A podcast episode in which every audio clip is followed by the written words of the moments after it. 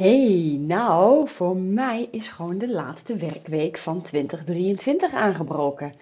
En ik ben heel benieuwd of dat voor jou ook het geval is. Ehm, maar ik merk meteen ook dat het van alles met me doet. Ik had heel erg uitgekeken naar deze week. Want eh, de agenda is gewoon echt minder vol dan al die weken daarvoor. Dus ik dacht, oh heerlijk hè, twee dagen opleiding deze week. Het is overigens maandag, maandagochtend als ik deze podcast opneem. Als jij hem luistert, kunt luisteren, is het woensdag. Dus dat is de week alweer halverwege.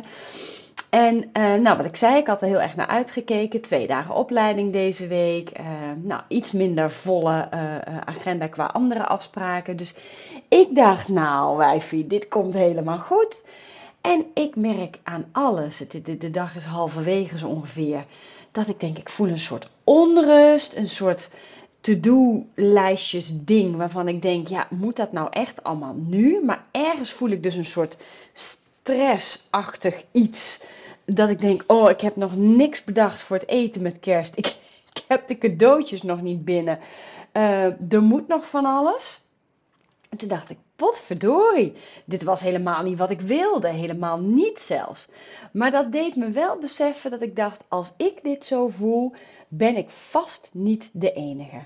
Dus um, dat deed me ook meteen weer um, eigenlijk besluiten om eens even een podcast op te nemen over stress. Enerzijds stress bij ons, maar ook um, wil ik graag iets met je delen over early life stress. Maar dat later in de podcast. Nou, ik ben dus vooral heel erg nieuwsgierig ook hoe het met jou is. En ik deelde in de vorige aflevering dat er privé hier wat dingen spelen. Um, nou, een van die dingen hè, is dat, dat Heiko's vader uh, behoorlijk ziek is. Die is inmiddels geopereerd. Dat lijkt allemaal heel goed te zijn gegaan. Dus dat voelt heel fijn. En, en we, hebben, we hebben nog geen definitieve uitslagen. Maar in ieder geval lijkt de operatie geslaagd. Dus nou, dat is al een pak van mijn hart. Want het is, het is een 81-jarige, maar eigenlijk nog een hele fitte man. Die ook echt nog niet klaar is met het leven. Dus ik ben heel blij dat het erop lijkt dat hij in ieder geval, uh, uh, nou, voorlopig, dat we ons daar niet meer zo al te veel zorgen over hoeven te maken. Behalve dat het natuurlijk ook mensen zijn die ja, met de dag gewoon ouder worden. En, en ja, dan zeggen ze wel eens, hè, ouderdom komt met gebreken, geloof ik, is zo'n uitspraak. Ja, dat is gewoon zo. Dus daar, daar heb ik me ook bij neer te leggen en mee te dealen. Maar goed, dat het niet altijd fijn is, dat is wel heel duidelijk. Um, en nou ja, er spelen nog wat andere dingen. Wellicht dat ik daar in een latere podcast nog iets over kan vertellen, maar nu even niet. Met mij aan zich gaat het dus eigenlijk best prima. Hè? Dus hè, ik vind het heel lekker dat het december is. Dat ik zo meteen even één of nou misschien zelfs wel twee weken echt even vakantie ga nemen. De eerste week ga ik sowieso vrij nemen met kerst en oud en nieuw. En ik ben dan ook nog tussendoor ergens jarig. Dus dat zijn altijd, is altijd een hele volle week. En de tweede week ga ik bekijken hoe ik me voel. En als ik denk, ik heb zin om aan het werk te gaan, want er ligt zat. Dan uh, ga ik dat doen. En als ik voel, nee, dat moet ik niet doen. Ik heb echt die week nog nodig om uit te rusten. Dan, uh, dan kies ik daarvoor. En um, nou ja, hè, wat ik net zei, die, die stress is wel een, een dingetje. Um, en weet je, we hebben vaak zo'n negatieve associatie met stress. Terwijl eigenlijk is dat helemaal niet van. Of hoe zeg je dat? Eigenlijk is dat helemaal niet aan de orde. Want stress is in de basis dus ook iets heel positiefs. Eigenlijk is het uh, uh, niks anders dan druk of spanning of belasting. Hè? En, en dat helpt ons biologisch gezien om te overleven, om te presteren, om je te ontwikkelen. Dus stress is eigenlijk heel essentieel voor ons bestaan. Het lastige is alleen dat als stress, uh, stress, stress, stress, stress, blijf praten Annemarie, als stress chronisch wordt, dan krijgt het natuurlijk een vele negatievere lading. En dan zie je ook wel dat er een soort disbalans komt. Um, waardoor je systeem iedere keer belast is. En dat kan natuurlijk echt wel fysieke en mentale gevolgen hebben. Um, en en ja, door te herkennen bij jezelf wanneer heb ik nou stress um, is dat al een hele mooie eerste stap. En ik moet zeggen, nu ik het er zo over heb, denk ik, heb ik nou stress? Nee, ik heb volgens mij niet eens stress.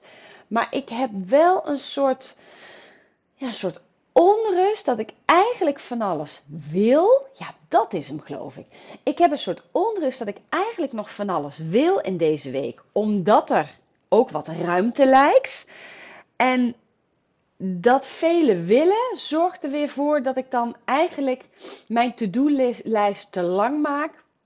Waardoor er dus dan druk ontstaat, uh, tijdsdruk ontstaat. En ik het daardoor dus dan toch als een soort van stress ervaar. Oh, wonderlijk. Schappig hè, hoe zo'n podcast werkt.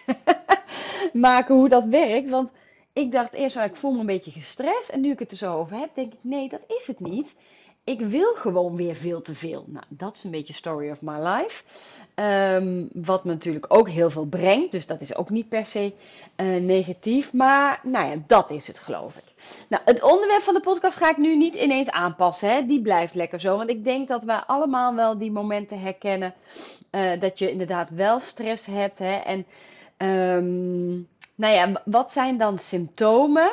En eigenlijk weten we inmiddels uit onderzoek hè, dat de gevolgen van stress best behoorlijk kunnen zijn. Want het verhoogt echt wel het risico op lichamelijke en mentale aandoeningen.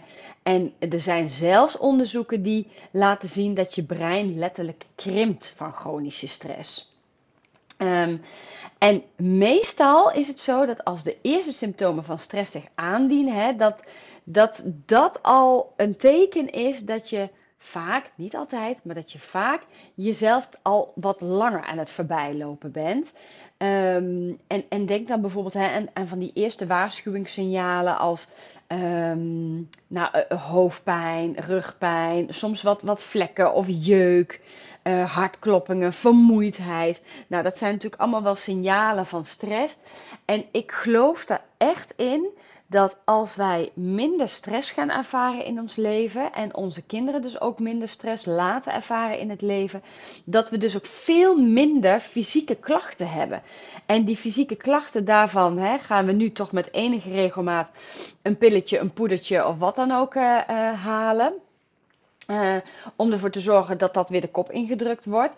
Terwijl de echte onderliggende reden, die pakken we niet aan. En dat kan dus in heel veel gevallen gewoon gewoon tussen haakjes, hè, gewoon stress zijn.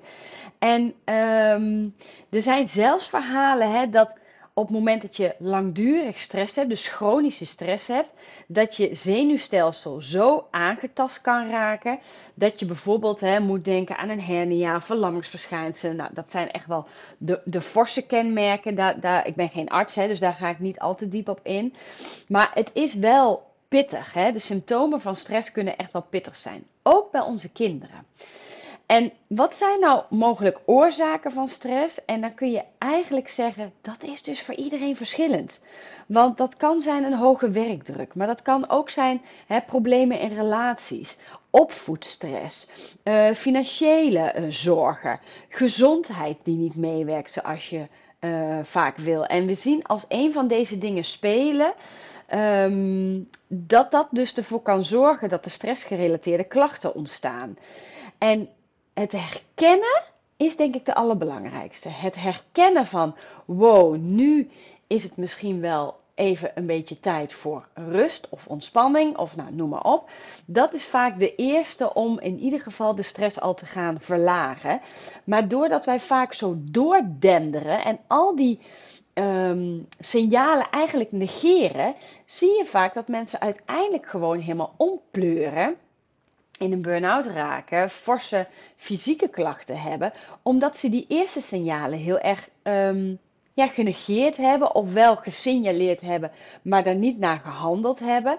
Ja, en dat is natuurlijk echt wel funest. En weet je, ik ben ook niet heiliger dan de paus. Mij is dat ook regelmatig gebeurd en gebeurt me nog wel regelmatig. En toch leer ik, door ook meer te leren over stress en, en, en alle um, bijwerkingen die dat kan hebben, leer ik ook wel het eerder te herkennen bij mezelf. En dat is zo ongelooflijk waardevol. Maar ik zie dus nu ook bij mijn eigen kinderen um, wanneer zij stress ervaren en hoe zij met die stress omgaan. Dus het is voor jezelf super waardevol om die signalen te gaan herkennen en het liefst er ook naar te gaan handelen. Maar ga ook eens, hè, en dan kunnen ze nog heel jong zijn, maar ga ook eens bij kinderen kijken. Hoe kan ik daar um, symptomen van stress herkennen? Wat zijn dan die symptomen?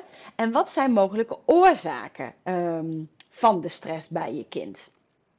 Um, natuurlijk weten we dat ehm, het niet altijd mogelijk is om, om stand P dingen te veranderen in je situatie. Hè? Dus je ervaart stress en je denkt: oké, nu laat ik alles uit mijn handen vallen, want ik voel stress en ik heb rust nodig. Dat kan niet. En dat kan in heel veel situaties niet. Maar ik ben er tegelijkertijd ook van overtuigd dat we altijd in staat zijn om keuzes te maken die op een bepaald niveau, op een bepaald level, toch je stress doen zakken. En dat kan zijn dat je een afspraak afzegt. Dat kan zijn dat je je planning heroverweegt. Hè? Dat het dus niet allemaal kan op die dag of in die week. Dat kan zijn dat je toch ergens een moment voor jezelf uh, uh, zet. Hè? Dus, dus in je agenda inplant bedoel ik daarmee. Dat je denkt, oh ja, als ik dan oppas regel, of als ik dan zorg dat ik een uurtje eerder stop met werken, of als ik dan zorg dat ik iets makkelijks te eten regel, dan heb ik daarna een half uur of een uur waarin ik echt even iets voor mezelf kan doen. En dat voor jezelf doen is dus niet op de bank ploffen en Netflix aanzetten. Dat wij denken daarvan natuurlijk dat ons brein um, daarvan ontspant. Maar uiteindelijk doet, doen al die prikkels ook weer een appel. Dus echte ontspanning is het niet. En ik heb het ook wel eens genoemd, hè, we gaan afleiding zoeken. En ook als je daar dus bewust van wordt, ben ik nu eigenlijk bezig met een soort ja, tussen haakjes nep ontspanning. Hè? Dus ik plof op die, die bank uitgeteld en ik zet die tv aan in de hoop dat ik daarvan oplaad. Of als je dat realiseert, zijn de andere dingen eigenlijk veel zinvoller om te doen. En wat dat is, dat is voor iedereen heel erg persoonlijk. Maar dat kan bijvoorbeeld zijn gewoon eens even een uitgebreide douche nemen. Een lekker maskertje of een scrubje. Um, en dan een tijdschrift pakken met een kop thee. In plaats van gedachteloos die tv aanzetten. Of is dat juist wel met die vriendin afspreken om een kopje thee te doen. Maar wil je gewoon niet tot 11 uur. Maar wil je gewoon om half tien weer thuis zijn. Zodat je een goede nacht kan maken. Al dat soort dingen kunnen we keuzes in maken. En ik heb. Nou, komende week is de week dus iets rustiger. Hè? Maar ik heb woensdagavond een etentje met mensen die ik heel graag zie. Uh, en, die ik een paar keer per jaar zie om mee te eten. Super leuk, dus daar heb ik echt wel zin in. Maar tegelijkertijd weet ik ook dat ik donderdag sorry, heel, heel, heel vroeg op moet om de trein in te gaan voor een opleidingsdag. Um, en met een beetje pech moet mijn wekker geloof ik om 5 uur. Dat is allemaal geen ramp, maar dan moet ik niet tot 11 uur daar blijven hangen. Want dan weet ik dat ik daar ook onrust van krijg.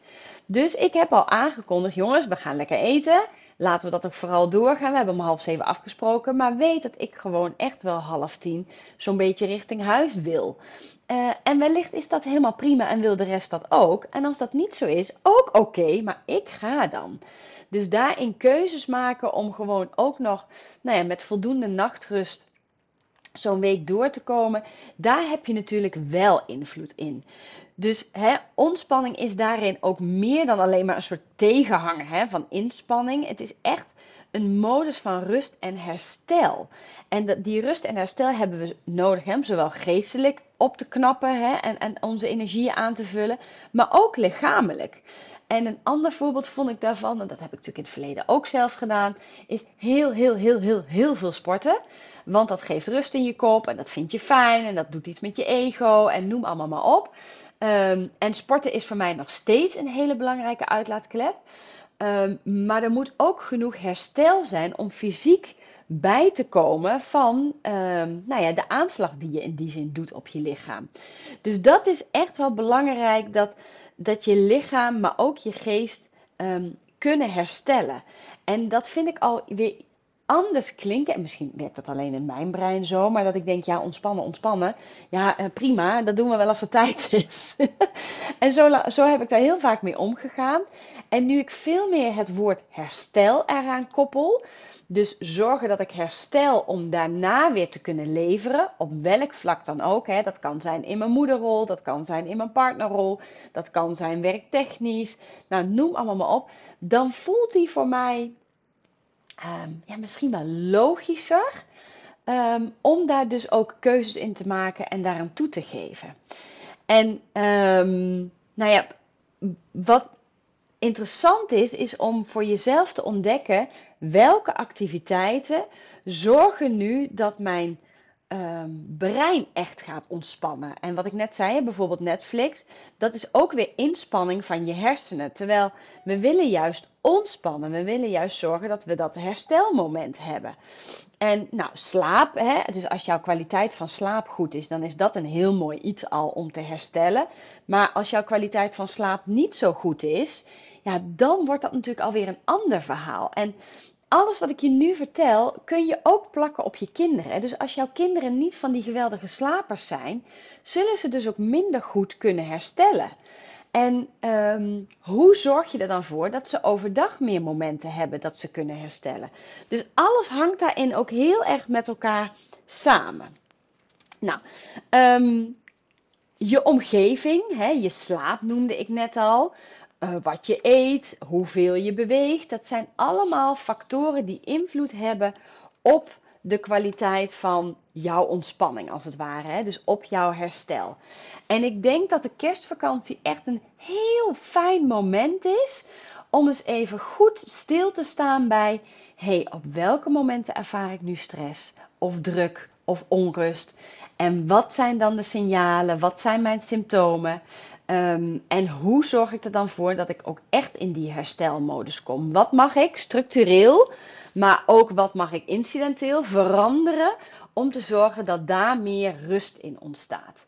Nou, ik heb hem geloof ik al een keer genoemd in deze podcast. Ik krijg um, stress, ik voel druk als ik voor veel mensen eten moet klaarmaken. A, omdat ik de overtuiging heb dat ik niet zo handig ben in de keuken. zeg maar gerust niet zo'n fantastische kok. Um, dus ik heb meteen tegen mijn familie gezegd: ik wil met liefde wat boodschappen gaan halen. Eerst dacht ik dat red ik ook niet, maar dat heb ik teruggedraaid, dat red ik wel. Dus boodschappen halen. En ik wil best wat eenvoudige hapjes maken, maar verwacht gewoon van mij geen drie gangen diner. Vind ik niet leuk, heb ik stress van. Vind ik, ja, weet je, dat is gewoon niet, niet aan mij besteed. Word ik niet blij van. Prima, dan is dat maar helder. Dus wat haal je jezelf ook op de hals? En zijn dat de dingen die passen bij jou, waar jij wel gelukkig van wordt? Een vriendin van mij die heeft vandaag een, een drie gangen diner met, met 14 mensen. Nou, ik moet er niet aan denken. Um, zij vindt dat helemaal leuk, is daar weken mee bezig, vindt het leuk om daar dingen over uit te zoeken. Fantastisch, voor haar is het echt ontspanning. Voor mij niet. Dus ken jezelf en maak keuzes die daarbij passen. Want we laten ons zo snel in, in, in hoekjes drijven waarvan ik denk: hmm, is dit nou wel echt wat je wil? Dus de kerstvakantie, nogmaals, is een mooi moment om daar eens even bij stil te staan. En ook eens te kijken: hey, wat zou ik in 2024 structureel of incidenteel anders kunnen doen om daarin um, jezelf gewoon wat beter te erkennen? Um, ik wil even een klein bruggetje maken naar early life stress. Ik heb hem denk ik wel eens een keer benoemd als je al mijn podcasts hebt geluisterd. Maar zeker als je ze niet allemaal hebt geluisterd, dan is het denk ik mooi om daar even nog wat over te vertellen. Um, eigenlijk weten we dat door early life stress we steeds meer mentale, maar ook fysieke gezondheidsproblemen ontwikkelen. En hè, dan kun je bijvoorbeeld denken aan burn-out, depressie, maar ook hart- en vaatziekten, overgewicht, diabetes. Best wel forse dingen. En dat is niet dat ik dat nou verzin, hè, maar dat heeft onderzoek uitgewezen. En um, eigenlijk moet je dan eerst weten, wat is early life stress nou eigenlijk? En op het moment dat we um, chronische stress aanwezig hebben in de eerste ongeveer duizend dagen van je leven dus zeg maar de conceptie tot en met ongeveer je tweede levensjaar, dan kun je spreken van early life stress. Ook in de adolescentie, hè, dus, dus de, de puberteit, is er een periode waarin die chronische stress veel meer invloed heeft op de ontwikkeling van je brein dan daar in die periode daartussen liggend, zeg maar. En um, je kunt je bijvoorbeeld voorstellen dat als er voor die conceptie factoren zijn uh, die spelen bij jouw ouders, dat early life stress eigenlijk al aangezet kan worden. Dus, hè, dus als er bijvoorbeeld heel veel stress of stress is geweest in het leven van een moeder of van een vader, dan is er heel veel cortisol aangemaakt. Hè? Dat is het stofje wat het stresshormoon uh, aanmaakt. En dan kun je dus je voorstellen dat, en dit is even heel biologisch, hè, maar dat de eicel of de zaadcel ehm, zaadcel, sorry, epigenetisch aangepast wordt aan je DNA-profiel, aan het DNA-niveau. Dus er gebeurt iets in die celdeling, zonder daar nu heel diep uh, uh, op in te gaan, maar het is wel super interessant. Er gebeurt iets in die genen, in die celdeling, waardoor die stress al opgeslagen wordt in de genen van jouw ouders. Of van de ouders. Nou, je kunt je voorstellen, als je dus dan uh, zwanger raakt en, en jij leeft met chronische stress, dan gaat, zonder dat dat je bedoeling is, hè, laten we dat even heel helder hebben, dan geef jij die stress dus eigenlijk via jouw DNA, via jouw cellen door aan jouw kindje. Nou, als dat zo blijft voortbestaan, of er ontstaat een situatie na jouw geboorte, waarin er heel veel stress is geweest bij de, bij de ouders en met name bij de moeder, dan kun je je voorstellen dat jij dus opgroeit met een moeder die chronisch gestrest is, om wat voor reden dan ook. Hè? Dus dat kan ook zijn een, een heel groot trauma of een overlijden van iemand. Ehm, maar die stress krijg jij dus automatisch in je systeem. Het lastige is alleen dat we dat vaak niet weten. Wij weten niet of onze moeder heel erg gestrest was, of er enorme live events speelden op het moment dat wij verwekt zijn, geboren zijn, etc. Dat maakt dat klachten die wij soms hebben, we niet terug gaan leiden naar die hele beginfase van ons leven, omdat we daar niet eens meer aan denken. Maar het kan dus zomaar zijn dat een aantal issues die spelen in jouw leven terug te herleiden zijn naar eigenlijk de eerste twee jaar van jouw leven. Andersom weten we hem wel. En daar ligt dan ook meteen weer een sleutel. En wat bedoel ik met andersom is, wij weten wel op het moment dat wij in verwachting raakten van onze kinderen, Um, of wij toen heel veel stress hadden. Of dat wij in die eerste twee jaar van hun leven enorm veel stress hebben ervaren. En nogmaals, daar kun je niet altijd wat aan doen. Maar het is wel zinvol om stil te staan bij het feit dat als dat zo is, hè, dus als jij in verwachting of in die eerste twee jaar van het leven van jouw kind heel veel stress hebt ervaren, dat dat dus invloed heeft op hoe jouw kind weer groot wordt en hoe al dan niet overprikkeld het brein van jouw kind is. En daarin um, is denk ik een aantal dingen belangrijk, namelijk het onderzoeken en al dan niet erkennen, is dit zo?